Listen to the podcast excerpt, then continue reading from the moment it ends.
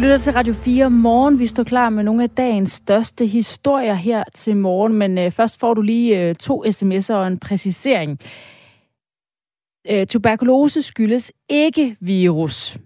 Kontrakt Christian Weiss igen at blive oplyst. Det var en bakterie med venlig hilsen, Jørgen. Det er mig, der har rodet rundt i de to ting. Undskyld for det. Tuberkulose, som altså er blevet beskrevet i, som en potentiel øh, risiko ved, at øh, mange mennesker fra Ukraine kommer til Danmark. Det er i hvert fald synspunktet hos øh, fire forskere. Det skyldes en bakterie, ikke en virus. Det er fordi, jeg har ikke talt om andet end virus i to år, så på en eller anden måde ligger det bare som det første. Men det skal selvfølgelig være i orden. Tak for de sms'er og rettelser.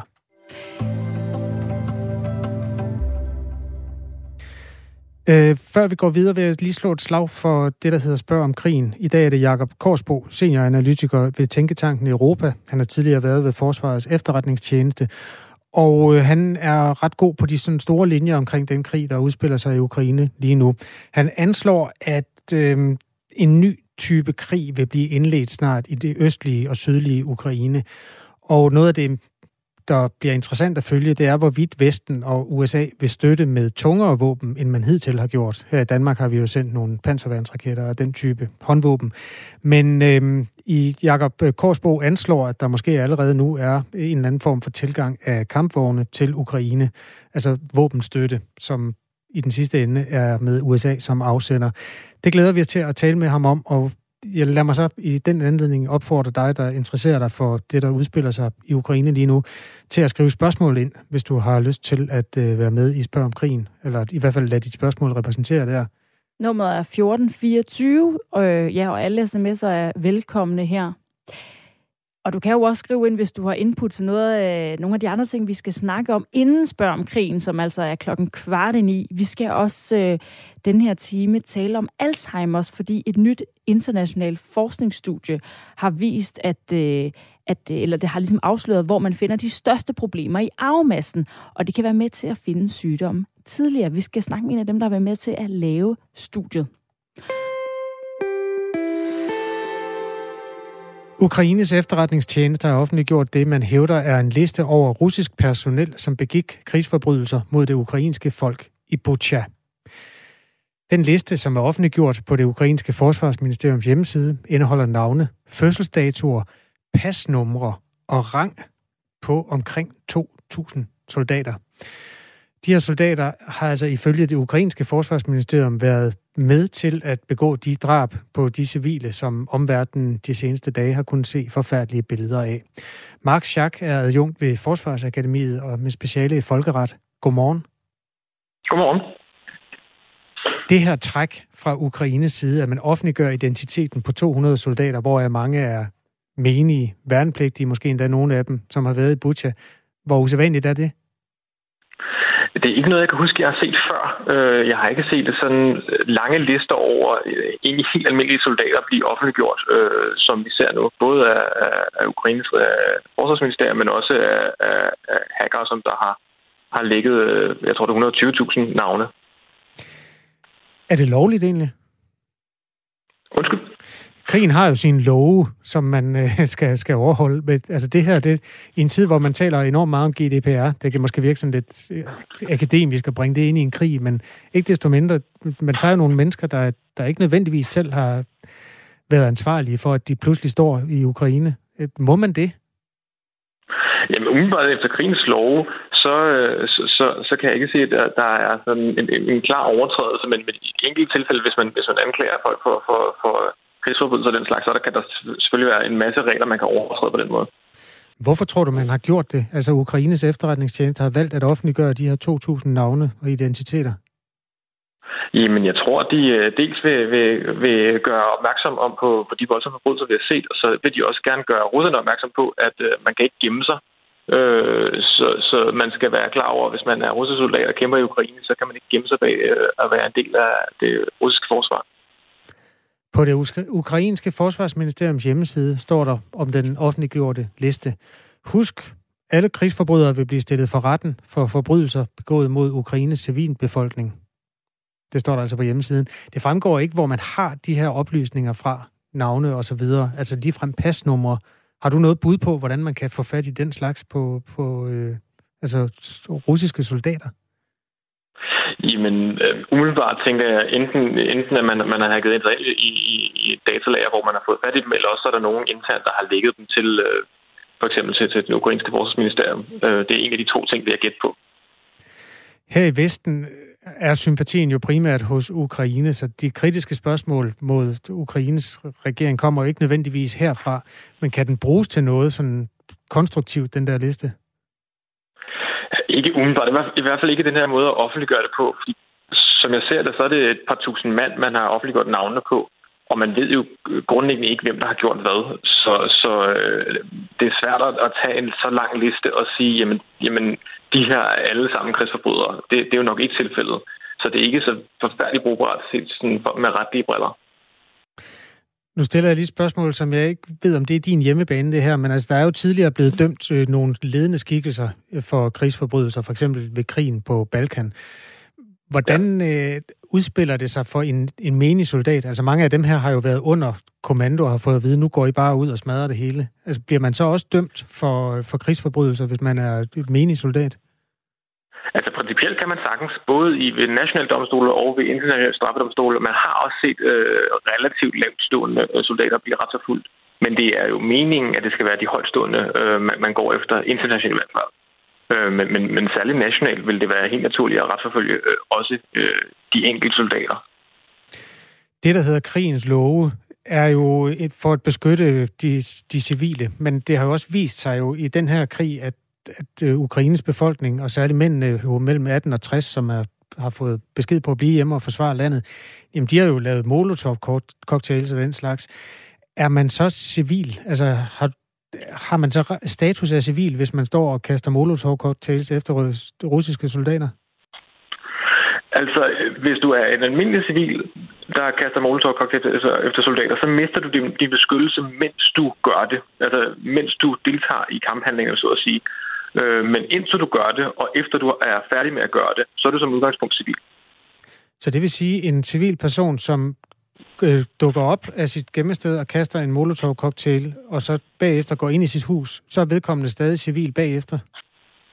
Ja, sådan vil det være normalt. Øh, hvis, hvis det sker igen og igen, og man, man kan se, at det, det er en kontinuerlig ting, så vil man miste sin beskyttelse øh, også øh, på, på den lange bane. Men som udgangspunkt, så er det sådan, det hænger sammen, ja. Det, der nu forestår, at for det første skal der altså være fred i Ukraine, og det har til synligheden lange udsigter, men det næste er jo så, at der kommer en eller anden form for retslig opgør med det, der er sket. Er der nogen som helst chance for, at man kan... Altså, Putin han virker rimelig ligeglad med, hvad vi mener, der er ret og vrang i, i den her krig. Er der nogen som helst chance for, at man kan komme efter ham på, på baggrund af øh, de her beretninger fra Butcher? Altså, man skal for det første opbygge en sag mod Putin, så, så selvom det, det ser ud som om, at han, øh, han, han godt kan gøre sig skyldig i, i, øh, i forbrydelser, så skal det selvfølgelig bevises øh, uden rimelig tvivl. Og så skal man også forestille sig, at vi kan få ham øh, udleveret, f.eks. til den internationale straffedomstol i Haag. Og det har nok lange udsigter. Så det er mere et spørgsmål om, hvorvidt Putin er i stand til at forblive magten i Rusland, frem for om han har gjort sig skyldig i en forbrydelse. Hvilket arbejde er det her? Altså, almindelig politiarbejde er jo noget med, at man går ud og samler spor, men det kan jo ikke sådan i samme grad lade sig gøre et sted, hvor man er i livsfare, når man går på gaden. Hvordan vil du beskrive det arbejde, som skal i gang nu i forhold til Butcher? Altså, det, det må have lange udsigter, før man er i stand til at, at lave noget, der ligner en sag. Jamen, det er principielt det samme, man skal gøre. Det er bare under meget, meget svære vilkår og, og i, i meget, meget stor skala. Øh, så det, det er samme øh, øvelse. Altså man skal ud og gerne have nogle retsmediciner til at undersøge de her lige. Man skal have, have nogle øh, efterforskere til at, til at tale med øjenvidner og den slags. Så det er egentlig samme form for efter, øh, efterforskning, man skal have gennemført. Men selvfølgelig under meget svære vilkår. Men nu, nu Ukraine har kontrol over det her område, så vil det være noget nemmere, end hvis, hvis Rusland selvfølgelig havde kontrol over det.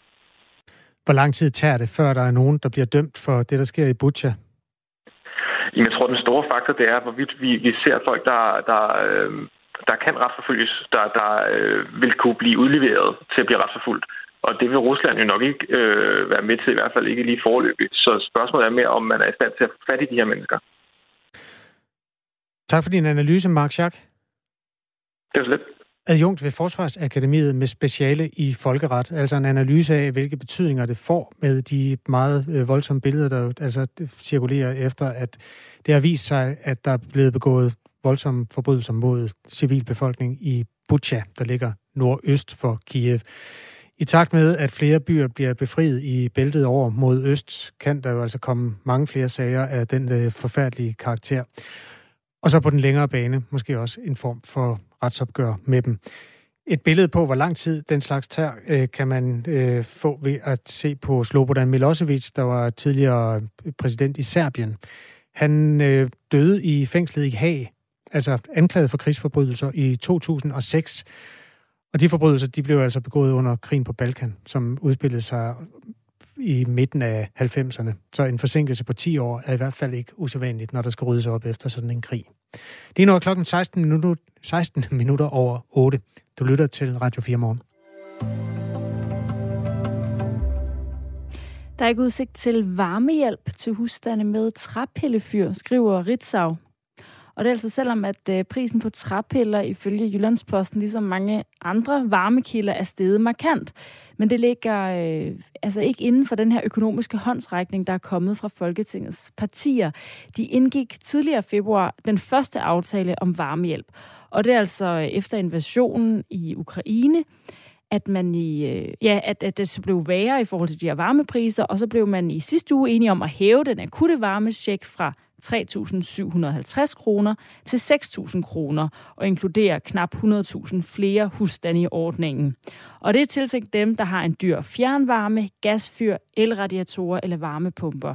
Men det tæller altså ikke dem, der har træpillefyr. Og det er steget med 200 procent siden sidste år, altså prisen på dem ifølge Jyllandsposten. Så nu vil øh, energiordføreren i SF, Signe Munk, gerne se nærmere på de her stigende priser.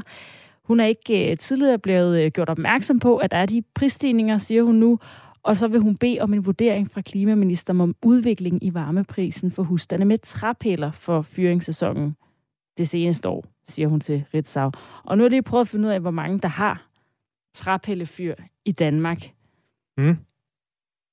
Og der er rigtig mange tal i den her tabel. Men øh, 8 procent af husstandene. Af husstandene har, Hvis der er 2,5 millioner husstande, så er det... Har træpillefyr. Ja. Ja, nogle 100.000 husstande, ja. andre ord.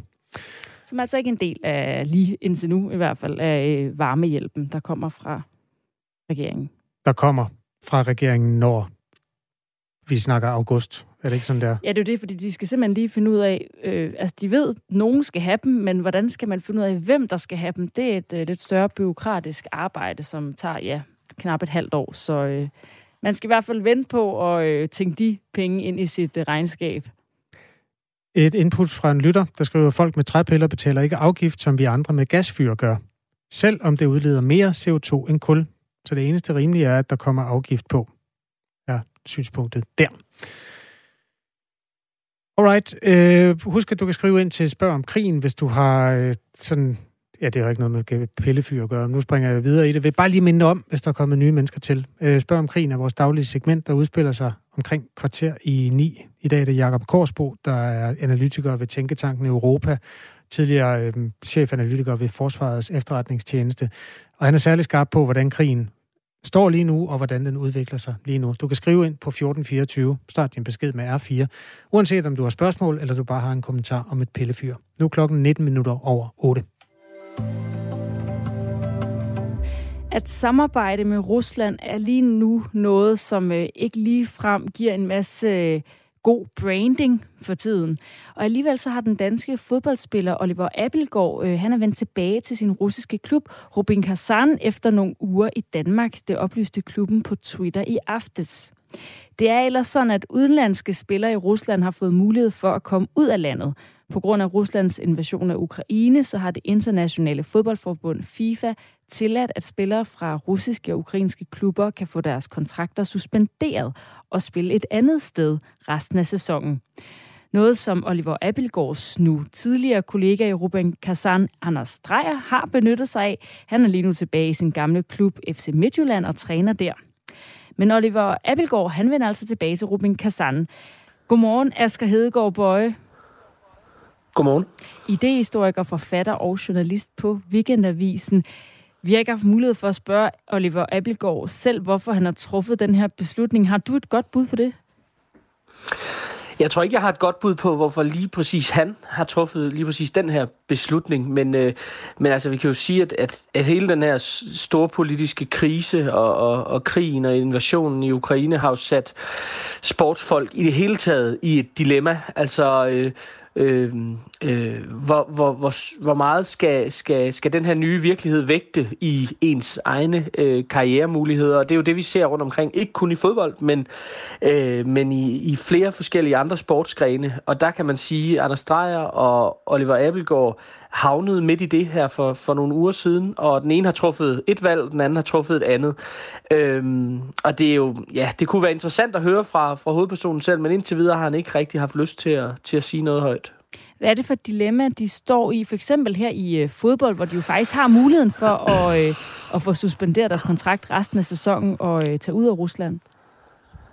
Jamen det er rigtigt, at det, den mulighed har de netop, og det er jo, øh, det er jo virkelig øh, en, hvad skal vi sige, historisk øh, mulighed, fordi det er ikke noget, FIFA gør hver dag. Altså det her med, øh, og, og, øh, og fortælle spillere over hele verden, at hvis de er engageret med russiske klubber, så kan de bryde deres kontrakt, som du nævnte her i introen. Og det er jo det, det, det er meget bekendt ikke set før, at man, at man på den måde øh, ophæver, kan man sige, de spilleregler, som fodbolden ellers lever af. Altså det her med, at når man har skrevet under med en, med en klub, så, så tilhører man øh, den klub øh, indtil kontrakten løber ud, eller indtil man får et andet tilbud, og klubben er med på det, og så videre. Og, det, og der, der kan man sige, øh, det stiller jo på en eller anden måde spillerne i et, i et dilemma. Altså, FIFA har jo gjort det for at hjælpe spillerne, men, men samtidig kan man jo sige, at at hvis ikke FIFA havde, havde, øh, havde givet den her kattelem, så havde spillerne jo bare skulle blive deres russiske klubber, kan man sige. Og nu får de den her mulighed for ligesom at vælge rigtigt. Altså at vælge det, øh, som, som vi i den vestlige verden gerne vil have, de vælger. Altså netop at bryde med deres russiske klub og eventuelt tage tilbage til en dansk klub, som øh, hvad hedder det, Anders Dreyer har gjort. Øh, så, så det er klart, de, de spillere, som ikke øh, gør det. Altså som i det her tilfælde Oliver Appelgaard, som vælger at tage tilbage til Rubin Kazan i Rusland. De kommer til at stå i et, i et skidt lys. Øh, det, det er rigtigt. Og de, øh, de må jo så ligesom stå til ansvar for det karrierevalg, de, de nu vælger. En, øh, der allerede har gjort det, det er den svenske basketballspiller Jonas Jarekpo, som netop har underskrevet en kontrakt med russiske CSKA Moskva, og det har altså haft konsekvenser. Det svenske landshold, de tager afstand fra det her skifte til Moskva og har suspenderet den svenske basketballspiller. Der er også øh, krav fra Folkehavet om, at Nadia Nadim skulle smides af landsholdet, øh, da det kom frem øh, 1. april, at øh, den her fodboldspiller nu officielt er ambassadør for verdensmesterskabet i fodbold i Katar. DBU har så ikke øh, forholdt sig til kravet, men siger, at det må hun selv stå til ansvar for. Men hvis vi skal ind på nogle af de konsekvenser, det har, altså for sportsudøvere at have et samarbejde med Rusland, hvad er det, når du siger, det er et skidt lys? Hvad, hvorfor er det, det betyder noget for deres karriere? Jamen det gør det jo, fordi man kan sige, at alle, der overhovedet bliver forbundet med Rusland i de her år, øh, eller i de her uger og måneder, øh, øh, altså bliver jo på en eller anden måde øh, øh, ille set i sportens verden. Det er jo også det samme bevægelse, vi har set i, i kunst og kulturen her i de seneste uger, at, at der er ikke nogen, der vil have noget med Rusland at gøre. Og man kan sige, samtidig med det her sker øh, med Oliver Abelgaard, der tager tilbage til Rubin Kazan, der, der er alle russiske øh, hold og landshold, både på herre- og kvindesiden, de er jo udelukket fra internationale turneringer. Det vil sige, det er et, et land, som, som fodboldens verden ikke vil have noget som helst med at gøre. Øh, men jeg synes alligevel, vi måske skal være lidt øh, varsomme med det her med at, at true med at smide folk af landsholdet, hvis de træffer øh, den ene eller den anden beslutning i forhold til Rusland. Altså, øh, i, i, i den her svenske øh, basketspiller, øh, for hans vedkommende, ham du nævner her, han, der kan man sige, det er måske lidt anderledes. Altså, det er ikke en, en, en, hans tidligere klub, han skal tilbage til. Han vælger ligesom lige nu at sige, jeg vil gerne spille i russisk øh, basket, og han er en, en endda fræk nok til på sociale medier at skrive, at det er en stor ære at skulle til den her Moskva-klub. Der kan man måske sige, der sætter man også sig selv i en, i en svær situation. Øh, men jeg synes stadigvæk, altså i tilfældet Oliver Abelgaard, eller Nadia Nadim, eller nogle af de her, de her andre danske sportsudøvere, så skal vi, jeg synes, vi skal passe på med, med det her med at sige, hvis, hvis, hvis du rører noget, der er russisk i øjeblikket, så er du en person, vi ikke vil, vi ikke vil have noget med at gøre. Øh, eller russisk, det kunne også være Katar i Nadia Nadims tilfælde. Jeg synes, det er langt mere alvorligt, når, når, øh, hvad skal vi sige, øh, organisationer som Danmarks Idrætsforbund, DBU, øh, som, som kan man sige, spiller fodbold, dyrker sport på, vores, på alle vores andres vegne, træffer de her beslutninger om at tage til VM i Katar for eksempel. Det synes jeg er langt mere alvorligt, end når enkelt udøvere gør det. Øh, fordi man kan, man kan være kynisk og sige, øh, de repræsenterer de repræsenterer jo ikke øh, alle os andre. De repræsenterer ikke Danmark. De repræsenterer sig selv, og de repræsenterer deres karrierevalg, og det kan vi være uenige i. Men, men, men jeg synes, vi skal passe på med sådan at, ja, og, øh, og, øh, og sige, dem vil vi aldrig nogensinde røre længere, fordi de nu spiller i den her russiske klub. Og der er det måske noget andet, når man taler om landsholdet, altså som jo på en anden måde repræsenterer ja. Danmark. Assisterende, du, jeg tager lige et citat fra Morten Vihors, som er assisterende landstræner, og sagde til BT, at han personligt ikke ser skævt til Oliver, og i mine øjne er han et menneske og en fodboldspiller, der tænker over tingene. Snakker vi moral og etik, så er der ikke noget, der ændrer sig overhovedet. Oliver Albelgaard, han er altså ikke endnu, eller altså han har ikke været fast inventar på landsholdet, men en ting er, hvad, hvad landstræner eller assisterende landstræner mener, men kan folkestemningen og politisk bevågenhed blandt danskerne i forhold til, at han nu er i Rusland, betyde noget i forhold til, at landstræneren kan blive tvunget til at tage stilling til det her, inden han udtager spillerne til for eksempel, ja, som en spiller i Rusland? Ja, det, det, det kan det vel godt, fordi det, der er sket, kan man sige, den, i, i, den, øh, i den internationale sportsverden i de seneste øh, fem år, måske fire-fem år, det er jo, at, øh, at der er kommet meget mere bevågenhed på de her emner, som man kan sige berører sporten, men som også handler om politik og menneskerettigheder og demokrati, øh, og ja, stor politik i det hele taget. Øh, så, så vi har fået et, et, et sportspublikum, som er meget mere bevidste om, om de her ting end tidligere tidligere.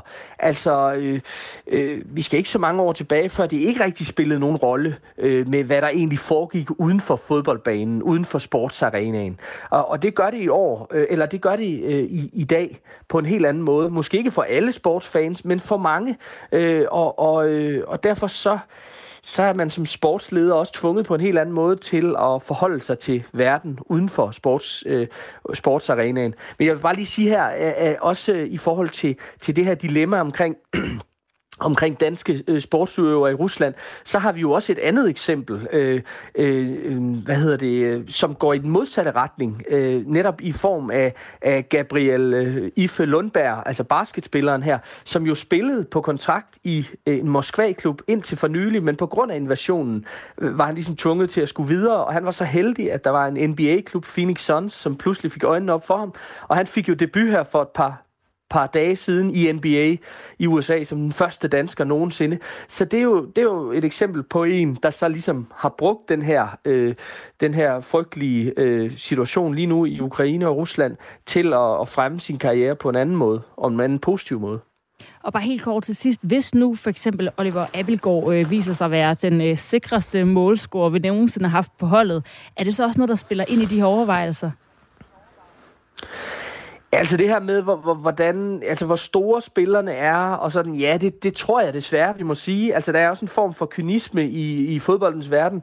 Det har vi jo også set i, i Altså i andre, øh, i andre tilfælde, altså når øh, store spillere som Cristiano Ronaldo og Lionel Messi øh, snyder i skat og øh, deponerer alle deres millioner og milliarder i skattely et eller andet sted, så har det ikke så store konsekvenser, som hvis det havde været en, et mindre navn. Så, så det tæller desværre også i, i fodboldens verden i de her år.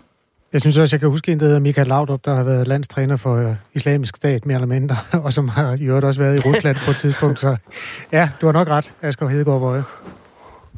Tak fordi du var med. Selv tak. Øh, Asger Hedegaard Bøje, som er idehistoriker, forfatter og journalist på Weekendavisen, hvor han blandt andet skriver om fodbold. Det her er Radio 4 Morgen med Astrid Data og Kasper Harbo. Vi skal have Jakob Korsbo med om et kvarter. Han er jo altså analytiker af militær i bred forstand og er meget øh, godt nede i stoffet, når det handler om krigen i Ukraine. Hvis du har et spørgsmål til vores segment, spørg om krigen, så kan du skrive en sms ind til programmet. Skriv, øh, ja, i en sms. 1424 er nummer, du skal sende den til. Så kommer den her ind. Klokken er halv ni, og der er nyheder.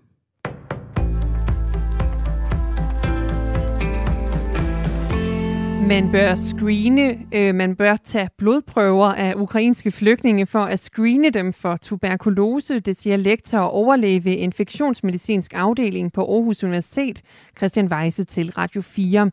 Der er nemlig en større forekomst af tuberkulose blandt ukrainere, end der er i Danmark. Hvis Danmark modtager 100.000 ukrainske flygtninge, så vurderer Christian Weise, at 20.000 potentielt vil være smittet med tuberkulose, og at en mindre del af dem også vil udvikle smitsom sygdom.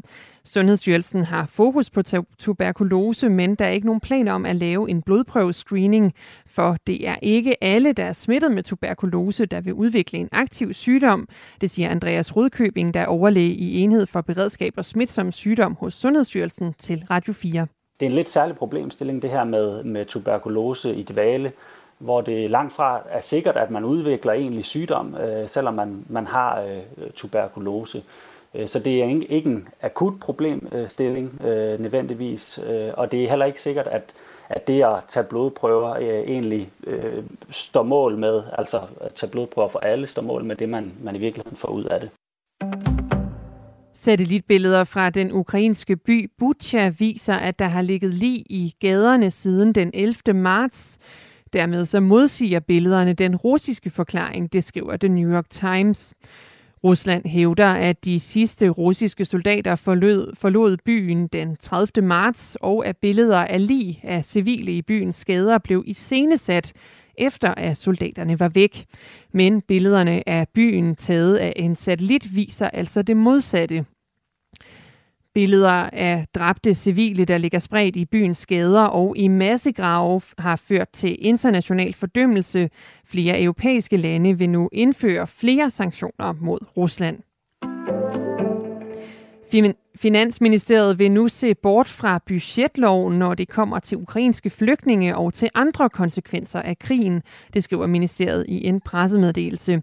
Budgetloven sætter rammer for, hvor store underskud Danmark må køre med, men på grund af den ekstraordinære situation, så ændrer Finansministeriet nu de normale økonomiske spilleregler og accepterer i en periode at køre med et større offentligt underskud, end budgetloven ellers ligger op til. Politisk redaktør på Radio 4, Thomas Larsen, siger, at, helt, at det er helt usædvanligt, at man slikker på budgetlovens regler. Og hvis man ser på nogle af de altså, årsager til, at man nu vil slække på de økonomiske spilleregler og kan man sige løsne for budgetloven, så er det jo altså også nogle meget, meget store udfordringer, vi taler om. For vi går ind i en tid, hvor der vil blive brugt mange penge, siger han. De danske politikere de har jo som bekendt for nylig vedtaget, at øh, dansk forsvar skal løftes helt ekstraordinært, og vi skal igennem en historisk oprustning, sådan så når vi kommer frem til øh, 2033, øh, så skal politikerne faktisk ud og finde altså 18 nye milliarder kroner til forsvaret hvert år. Det er rigtig mange penge. Og så er det jo også klart, at netop krigen i Ukraine har udsat ikke mindst Europa for et chok i forhold til stigende energipriser. Amerikansk politi har anholdt en 26-årig mand i forbindelse med et skyderi i Sacramento i delstaten Kalifornien i weekenden. Her blev seks mennesker dræbt og 12 såret, det skriver Reuters. Manden er tilbageholdt på mistanke om overfald og ulovlig våbenbesiddelse. Vi får perioder med lidt eller nogen sol, men også mulighed for enkelte byer og temperaturer mellem 4 og 7 graders varme. Det var nyhederne her på Radio 4 med Anne Svifeldt.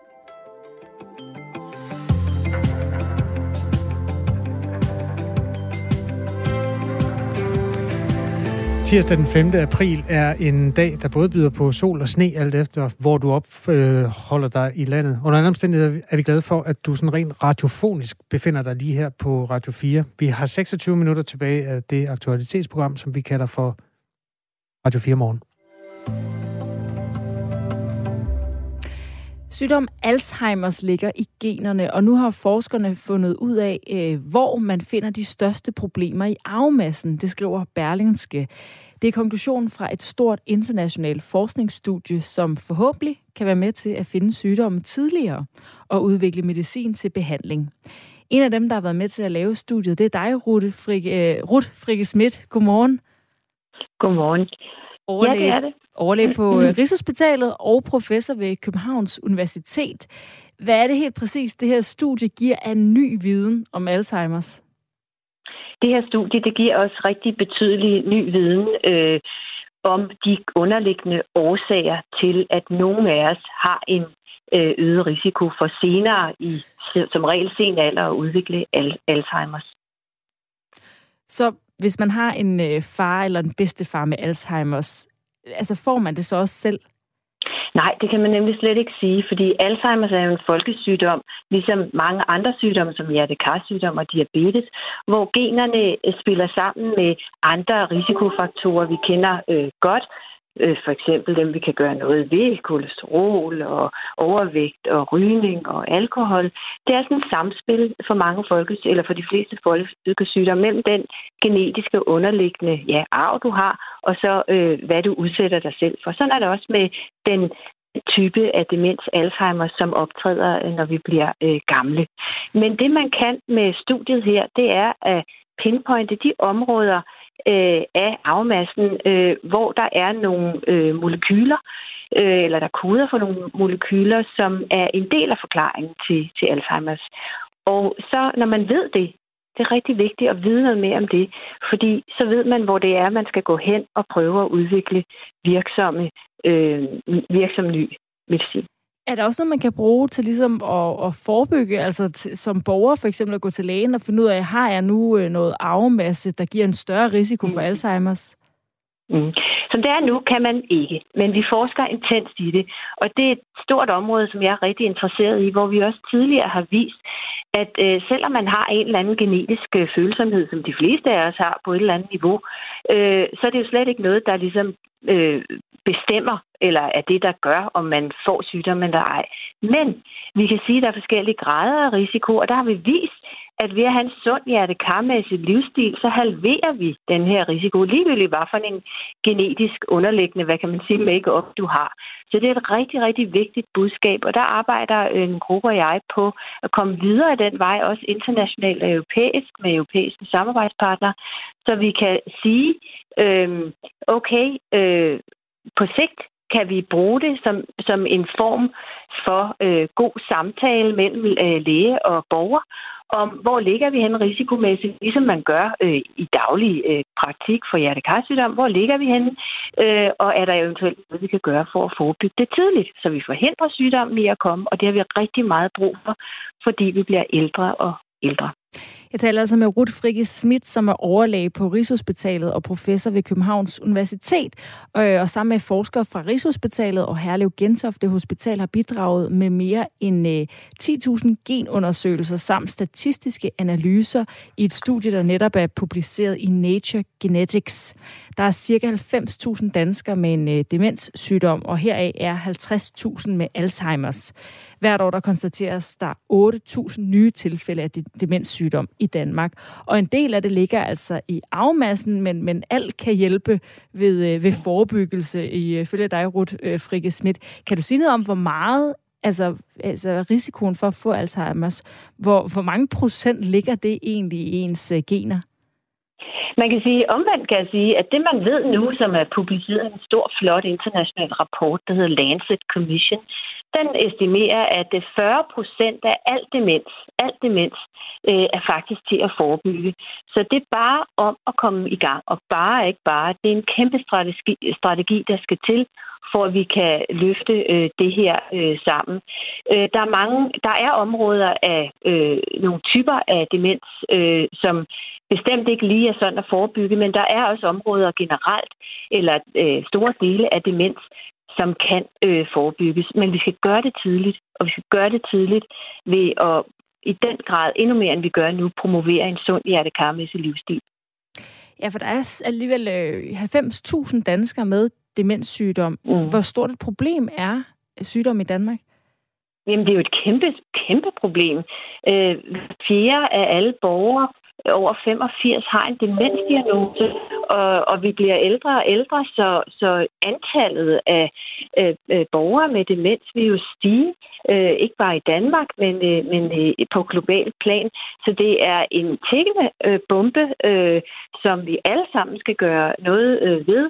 Alzheimer's Foreningen og andre øh, centre, der forsker i demens, øh, er, har fuld fokus på det her, øh, og, og, og det skal der gøres noget ved. Og, og der er ting, vi kan gøre. Der er også nogle ting, som øh, man ikke kan gøre noget ved, og så skal vi støtte maksimalt, øh, at øh, der bliver sat ind med ny udvikling af medicin på lige præcis øh, de her årsager, som sådan et studie, som øh, det vi taler om i dag i Nature Genetics, har været med til at, at highlighte. Og noget af det vigtigste, man kan gøre for at forebygge det, det er altså at få en uh, hjertekar-sund livsstil. Ja. Er det din ja. forventning, man også i fremtiden kan komme til helt at kunne uh, kurere Alzheimer's og demens? Øh, og kurere, det er altid et meget, meget stærkt øh, ord. Det, det, tror jeg, det tror jeg ikke. Så altså, der er rigtig mange andre folkesygdomme, som vi heller ikke kan kurere, men hvor, hvor vi har god medicin, som nedsætter risikoen markant, og også som, som øh, virkelig forbedrer, hvad skal man sige, øh, hvordan det går i forløbet efter en sygdom.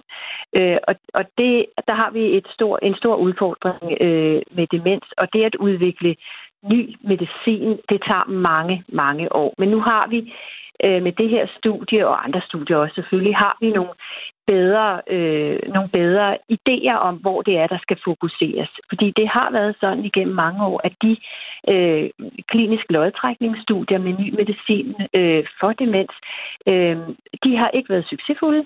Øh, og det, man tænker på, det er, at man skal, man skal begynde tidligere i sygdomsforløbet, øh, og måske også bruge hjælp, øh, generne til hjælp med at se, hvor det vil gavne allermest, de personer, det vil gavne allermest. Men jeg vil sige, mens vi venter på den udvikling, som bare skal have, øh, ikke bare, men skal have energi og pengeindsprøjtning, så øh, må vi komme i gang med nogle meget intensive øh, forebyggelsesstrategier på samfundsniveau. Det er min øh, klare øh, ja, klare øh, råd til, til alle os forskere og politikerne. Sagde Ruth Frikke Schmidt, overlæge på Rigshospitalet og professor ved Københavns Universitet. Tak, fordi du vil være med. Selv tak. Klokken den er 18 minutter i syv. Er I 9? Ja, det er 9, ikke? Jo. 8.42. Ja, præcis. Ja, right.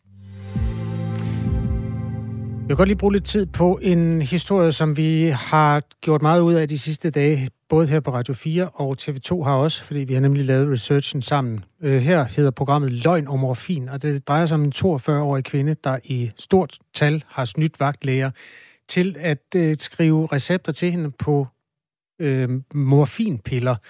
I alt har hun fået 6.000 morfinpiller udleveret ved at bruge andre menneskers CPR-numre, og det har hun simpelthen gjort fordi hun er fantastisk til at løbe. Du får lige en smagsprøve her.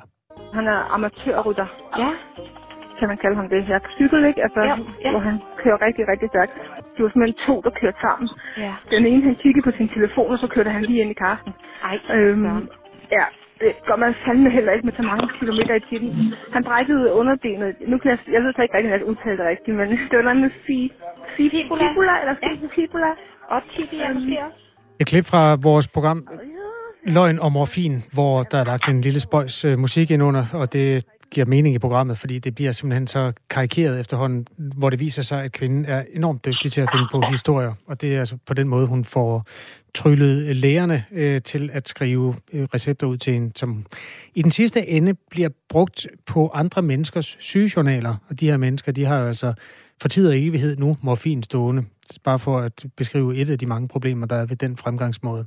I går talte TV2 med sundhedsminister Magnus Heunicke om denne her sag, som jo øh, både er et spørgsmål om nogle vagtlæger, som ikke har kørt frem efter reglerne. Sagen er den, at vagtlægerne skal se patienten fysisk, før man må udskrive den her type medicin.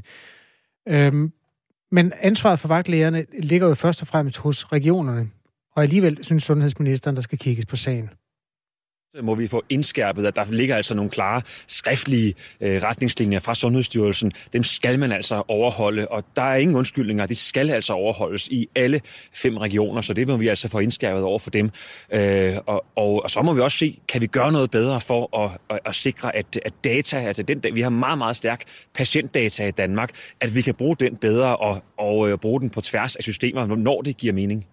Magnus Heunicke mener dog ikke, at løsningen ligger i, at vagtlægerne får adgang til at kunne se de praktiserende lægers journaler, for for eksempel at se, hvad patienten fejler. Det vil ellers kunne dæmme op for nogle typer af misbrug. Altså, man skal passe på at, at, at, at løse et problem, og så skabe mange, mange nye, fordi øh, alle de data, vi har som patienter hos vores praktiserende læge, det, det skal jo ikke være noget, som kommer op på skærmen alle mulige steder, bare fordi man ringer til vagtlægen. Så, så de systemer, vi skal lave, skal altså laves klogt og rigtigt. Og det vil vi godt se på, om vi kan lave det på en måde, som er klogt og rigtigt.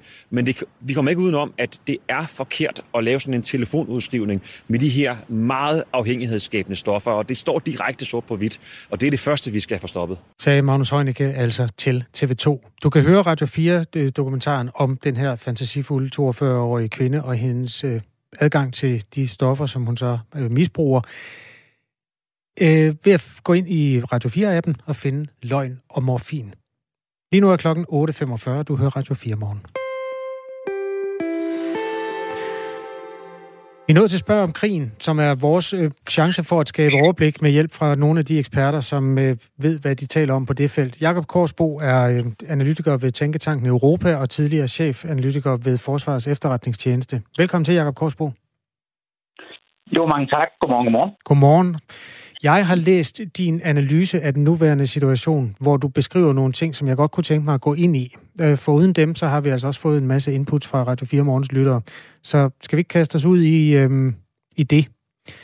Lad os det. Du skriver blandt andet, at den fase, der starter nu, der vil der blive tilført nogle, formentlig nogle tungere våben til Ukraine. Altså, vi har jo fra Danmarks side sendt øh, panserværnsraketter, men du spekulerer i, at der måske også i den sidste ende vil komme tanks, altså kampvogne fra øh, USA. Prøv lige at beskrive den trafik. Hvordan vil, øh, vil den foregå? Altså, jeg skal med det samme sige, det kører lidt frem og tilbage med de meldinger, som jeg skrev i min analyse. Så var det New York Times, der var ude og, og, og tale om kampvogne, øh, T-72-kampvogne øh, her i, øh, i weekenden. Men øh, så kommer der nogle kontrameldinger. Øh, jeg har også set noget her til morgen, der tyder på, at der er øh, øh kampvogne på vej fra Tjekkiet. Men, øh, men, men helt fundamentalt set, så kan man sige, de øh, øh, våbentyper, der har været tale om fra britisk og amerikansk side, og også fra tysk side, det er, det er jo sådan noget med, med pansrede kampkøretøjer. Ikke kampvogne, men øh, pansrede kampkøretøjer. Øh, og, og, og den slags. Øh, og og jeg, jeg formoder også stærkt, at vi vil se yderligere kraftige, øh, pan, kraftigere panserværnsraketter, har jeg også set. Og øh, vi vil også øh, vi vil også se meget af den her drone-teknologi øh, med, med, med en kraftigere bevæbning, også som ukrainerne har benyttet med, øh, med stor succes. Og hvordan man så øh, får det ind, det skal jeg faktisk ikke øh, kunne sige, men altså meget øh, bliver jo talt om, at, at øh, russerne selvfølgelig vil forsøge at ramme det fra luften. Men der har russerne det øh, problem, at de ikke har det luftherredømme, som man normalt ville have sikret sig, når man er overlegen på den måde, som russerne burde være i luften. Øh, og, og, og de har jo ikke haft succes med at ramme nogle, nogle, øh, nogle våbentransporter indtil videre. Så, så jeg føler mig egentlig ganske overbevist om, at, øh, at ukrainerne ved, hvordan øh, de skal få, øh, få transporten ind og, og gennem deres land. Det, det er mm. selvfølgelig en risiko for, at, at russerne vil ramme det. Det er klart. Men, men sådan er det jo i krig, må man, må man bare sige. Du må lige hjælpe os med at beskrive den linje, som man i Vesten går på, når man finder ud af, hvad man vil støtte med. Fordi noget tidligere i konflikten, der var der jo diskussion om, hvorvidt øh, Polen kunne give nogle fly til Ukraine, og der nåede man vist frem til bag nogle lukkede døre, at det var en opskalering. Det var simpelthen for meget. Øh, kampvogne, vil det ikke også være sådan en... Øh, altså, jeg ved ikke, om det er konfliktoptrappende, men i hvert fald, det er jo, det er jo en voldsom måde at hjælpe dem på, fordi øh, kampvognen kan jo også bruges øh, til, angreb. Jamen, øh, bestemt. Og, øh, og jeg tror, at, øh, at det her rationale om, hvad der er øh, konfliktoptrappende og hvad der ikke er, det er der blevet rykket på øh, helt, øh, helt fundamentalt på grund af, af, af russernes øh, fremfærd. Øhm, så, så, så derfor tror jeg ikke, øh, at det øh, vejer øh, så tungt, som, øh, som det har gjort. Jeg tror, at erkendelsen er blevet, at øh, Putin eskalerer, hvis Putin vil eskalere. og at øh, om man øh, kommer med den ene eller den anden type våben, øh, det er ikke det, der er afgørende for det. Øh, jeg skulle med det samme sige, det har egentlig været min analyse hele tiden, men øh, jeg forstår, ja, altså der gives jo ikke nogen garantier, og øh, det er jeg helt med på, men, men sådan som jeg læser øh, Putin-regimet, øh, så, så beslutter de at eskalere, hvis de vil eskalere, og, og om vi øh, øh tilbyder øh, MIG-jagerfly øh, fra, fra Polen eller eller kampvogne, eller hvad det er, det, det, det, det tror jeg faktisk er fuldstændig øh, underordnet. Øh, så mm. den her øh, optrapning, altså man, man, man må sige, nu tror jeg, at analysen er i navnlig Washington, at det, det vil være nødvendigt at, at, at simpelthen bevæbne Ukraine, så de har en chance for egentlig helt at befri deres land, øh, for det er den øh, måde, der kan skabes en, øh, en vej fred på, eller i hvert fald sikre en, øh, en, en våben eller en stillstand i, i, i, i kampene, sådan så de har vist russerne, at de kommer simpelthen ikke øh, længere ind i vores land, fordi Putin vil forsøge, og han har stadigvæk det samme mål om at afsætte Ukraines øh, regering, og nu ændrer han taktik, mm. men, øh, men det er ikke mere end det. Det er Jakob Korsbo, der hjælper os i Spørg om krigen i dag. Og et af spørgsmålene kommer fra Ulrik Detlef Hunført Jørgensen. Han er fra Nordfyn. Hvis øh, Putin ikke kan lave nogen fremskridt i østlige og sydlige dele af Ukraine, som meget også tyder på, hvad gør han så? Ja, det er jo et, øh, et rigtig godt spørgsmål, og hvad bliver der i givet fald gjort ved ham? Øh, det kan vi ikke... Øh, det, det gives der, der er ikke nogen øh, gode svar på. Altså, man kan jo sige, indtil videre er der ingen tvivl om, at de øh, nederlag i, i det nordlige Ukraine, de har skabt uro i, i Kreml og, og på de indre linjer. Øh, det er et stykke tid siden, jeg har set noget til, øh, til omrokeringer og at generaler er blevet fjernet, men det er i hvert fald lang tid siden, vi har set generalstabschef øh, Gerasimov øh, i, øh, i offentligheden. Øh, det er mange uger siden, øh, mig bekendt. Så, så jeg vil sige, der er i hvert fald noget uro på, på de indre linjer, og det er ikke et nederlag, der bliver, der bliver taget vel. Øh, som sagt, altså øh, Putin opererer ud fra den her målsætning med at, at, at underlægge sig øh, Ukraine og, og få et styre i, i, i Kiev, som han kan styre per joystick i, øh, fra Kreml. Og, øh, og det mål, den modsætning ændrer sig ikke, øh, ikke lige, så, så man kan sige, det pres, ukrainerne øh, kan lægge øh, militært, det er så det, der skulle forårsage, at, øh, at, øh, at Putin ændrer sig. Og mm. hvordan øh, det lige øh, sker, det, det er svært at, at sige. Men der er der også en, en chance for, at han kan blive sat fra magten. Jakob Korsbo øh, hjælper os altså med spørg om krigen. Jeg kan også varmt anbefale de analyser, som ligger på TV2's hjemmeside. I dag har du skrevet, Jakob Korsbo, at nu flytter det ned øh, østpå, og det bliver dernede, de næste krige kommer til at stå, og de kan også godt ske at blive langvarige. I den øh, kategori kunne jeg godt tænke mig at stille dig spørgsmålet. Hvordan har det ukrainske militær det egentlig? Altså, vi hører jo hele tiden om russiske tab, øh, men, mm-hmm. men vi ved ikke så meget om, hvordan det ukrainske egentlig står til. Ved du det? Ej, altså, jeg, jeg vil sige, de øh, opgørelser over tab, som jeg øh, øh, lægger mest øh, troværdighed i, de taler om, øh, at øh, de øh, øh, ukrainske tab er cirka en fjerdedel af de, øh, af de russiske. Øh, det har været hed, øh, tilfældet hidtil. Og det er jo fordi, at øh, fors, forsvar øh, er en fordel i forhold til at skulle angribe. Og når man skal angribe, så regner man med, at man skal være tre mod en for at kunne underlægge sig et, øh, et område. Og det har russerne jo på ingen måde været. Det, det er grunden til, at de har fejlet så stort. Men ved du noget om, hvor mange de så har at råde over? Altså, hvad er størrelsesforholdet mellem de to herrer nu? Jamen altså, øh, mit, mit bedste take, det er, at, at de soldater, øh, russerne umiddelbart har til rådighed nu, det vil ligge omkring 150.000 øh, ud af den, den oprindelige invasionsstyrke på omkring 200.000. Og alle de her tal skal selvfølgelig tages med et, øh, et stort grænsalt, men, men vi ligger nogenlunde i det leje. Øh, og, øh, og ukrainerne, det ved jeg faktisk ikke, for de har jo lavet sådan en general mobilisering, og det kører jo med en, en form for hjemmeværn øh, og, og, og så videre også. Øh, så, så hvad der er tilbage af deres øh, øh, rigtigt uddannede øh, soldater, øh, og, øh, og, og hvad der er på hjemmeværn. Men vi kan i hvert fald konstatere, at de fører deres krig effektivt. De er dygtige til at, at, at anvende efterretninger. De er dygtige til at, at føre deres styrker, øh, øh, og de er dygtige til at sørge for forsyninger. Og det er nogle af de ting, der gør, at de har stået øh, så, så meget bedre, end, øh, end alle havde forventet. Der er lige et sidste spekulativt spørgsmål fra vores lytter Claus Sanker, der gør sig tanker. Prøv at høre.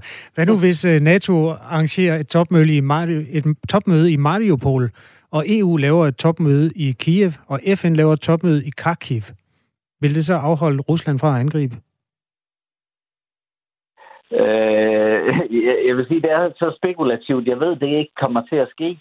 Øh, hvis vi skal blive den sådan lidt mere øh, øh galgenhumoristiske ende, så kan man sige, der er jo nok dårligt nok en bygning i Kharkiv og en bygning i Mariupol, som kan, som kan rumme et, øh, et topmøde, for det er jo nærmest øh, desværre jævnet med jorden, og det er umådeligt trist.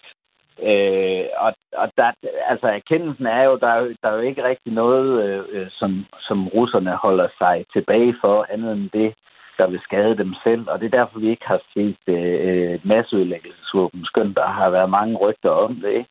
Øh, fordi at Putin ved, at det vil, øh, det vil skade ham selv, det vil skade hans forhold til, til Kina navnlig, ikke? Øh, hvis, øh, hvis han går ud i den form for, for yderlighed.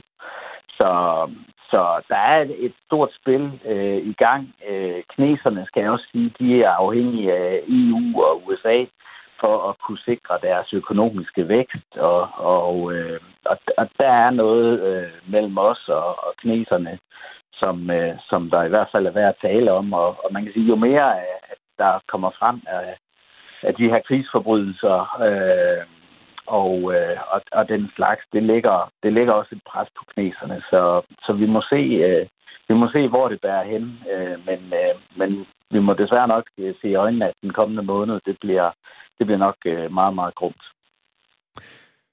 Jakob Korsbo, tak fordi du vil hjælpe os i dag. Selv tak. Tidligere analysechef ved Forsvarets efterretningstjeneste, og nu øh, tilknyttet Tænketanken Europa, som altså svarede på spørgsmål, I spørger om krigen. Dem lægger vi ud i vores app. Du kan simpelthen gå ind og finde hele striben af små spørgeprogrammer som podcast. De har en varighed mellem 5 og 15 minutter. Sådan nogle små, øh, ja, let tilgængelige nogen der. Lige nu er klokken to og et halvt minut i ni. De danske sundhedsmyndigheder bør screene samtlige ukrainske flygtninge, der kommer til landet for tuberkulose.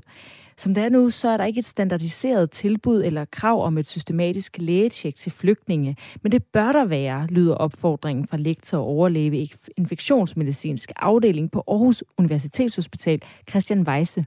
Der kan også godt være nogle meget få, som har aktiv tuberkulosesygdom, og som kan være smitsomme, og dem skal vi selvfølgelig fange og få behandlet. Men så vil der nok være en, en relativt stor del, som også har tuberkuloseinfektion, og dermed har en risiko for at udvikle tuberkulosesygdom på sigt. Og det kan man også afsløre med en, øh, en blodprøve. Og det synes jeg, det var oplagt at gøre det til en del af det øh, sundhedstilbud, som man giver. Christian Weiss er en af forfatterne bag en ny videnskabelig artikel, hvor fire forskere vurderer, at op mod hver femte ukrainske flygtning har en tuberkuloseinfektion. Det tal svarer til ca. 20.000 potentielt smittede ukrainske flygtninge i Danmark. Samtidig opfordres lande, som tager imod flygtningene til at skrue op for behandlingskapacitet og screeningsaktivitet. Ifølge Andreas Rodkøbing, der overlæge enhed for beredskab og smitsomme sygdomme hos Sundhedsstyrelsen, kommer der ikke nogen anbefaling om, at alle ukrainske flygtninge skal screenes for tuberkulose herhjemme. For nuværende så anbefaler vi ikke, at øh, det skal være en blodprøvescreening, øh, der som øh, Christian Weisse fortæller, kan afsløre sådan en form for øh, tuberkulose i dvale, som man så kan opdage med en blodprøve. Årsagen er ifølge Andreas Rodkøbing, at tuberkulose endnu ikke er en akut problemstilling blandt de ukrainske flygtninge. Det væsentligste er at, at få sat folk, der har tuberkulose, øh, i behandling. Både så de selv kan øh, få det bedre, og, og så de ikke øh, kan smitte andre. Det er dog vigtigt, at de praktiserende læger er opmærksomme på sygdommen, når de møder de ukrainske flygtninge i klinikken, fortæller Andreas Rudkøbing. Klokken er 9 om lidt, øh, og fem minutter efter nyhederne kommer der ring til Radio 4. I dag med Miriam Legaard Jacobsen. Astrid Dater og Kasper Harbo ønsker dig en god tirsdag. Tak fordi du hører Radio 4. Klokken er 9.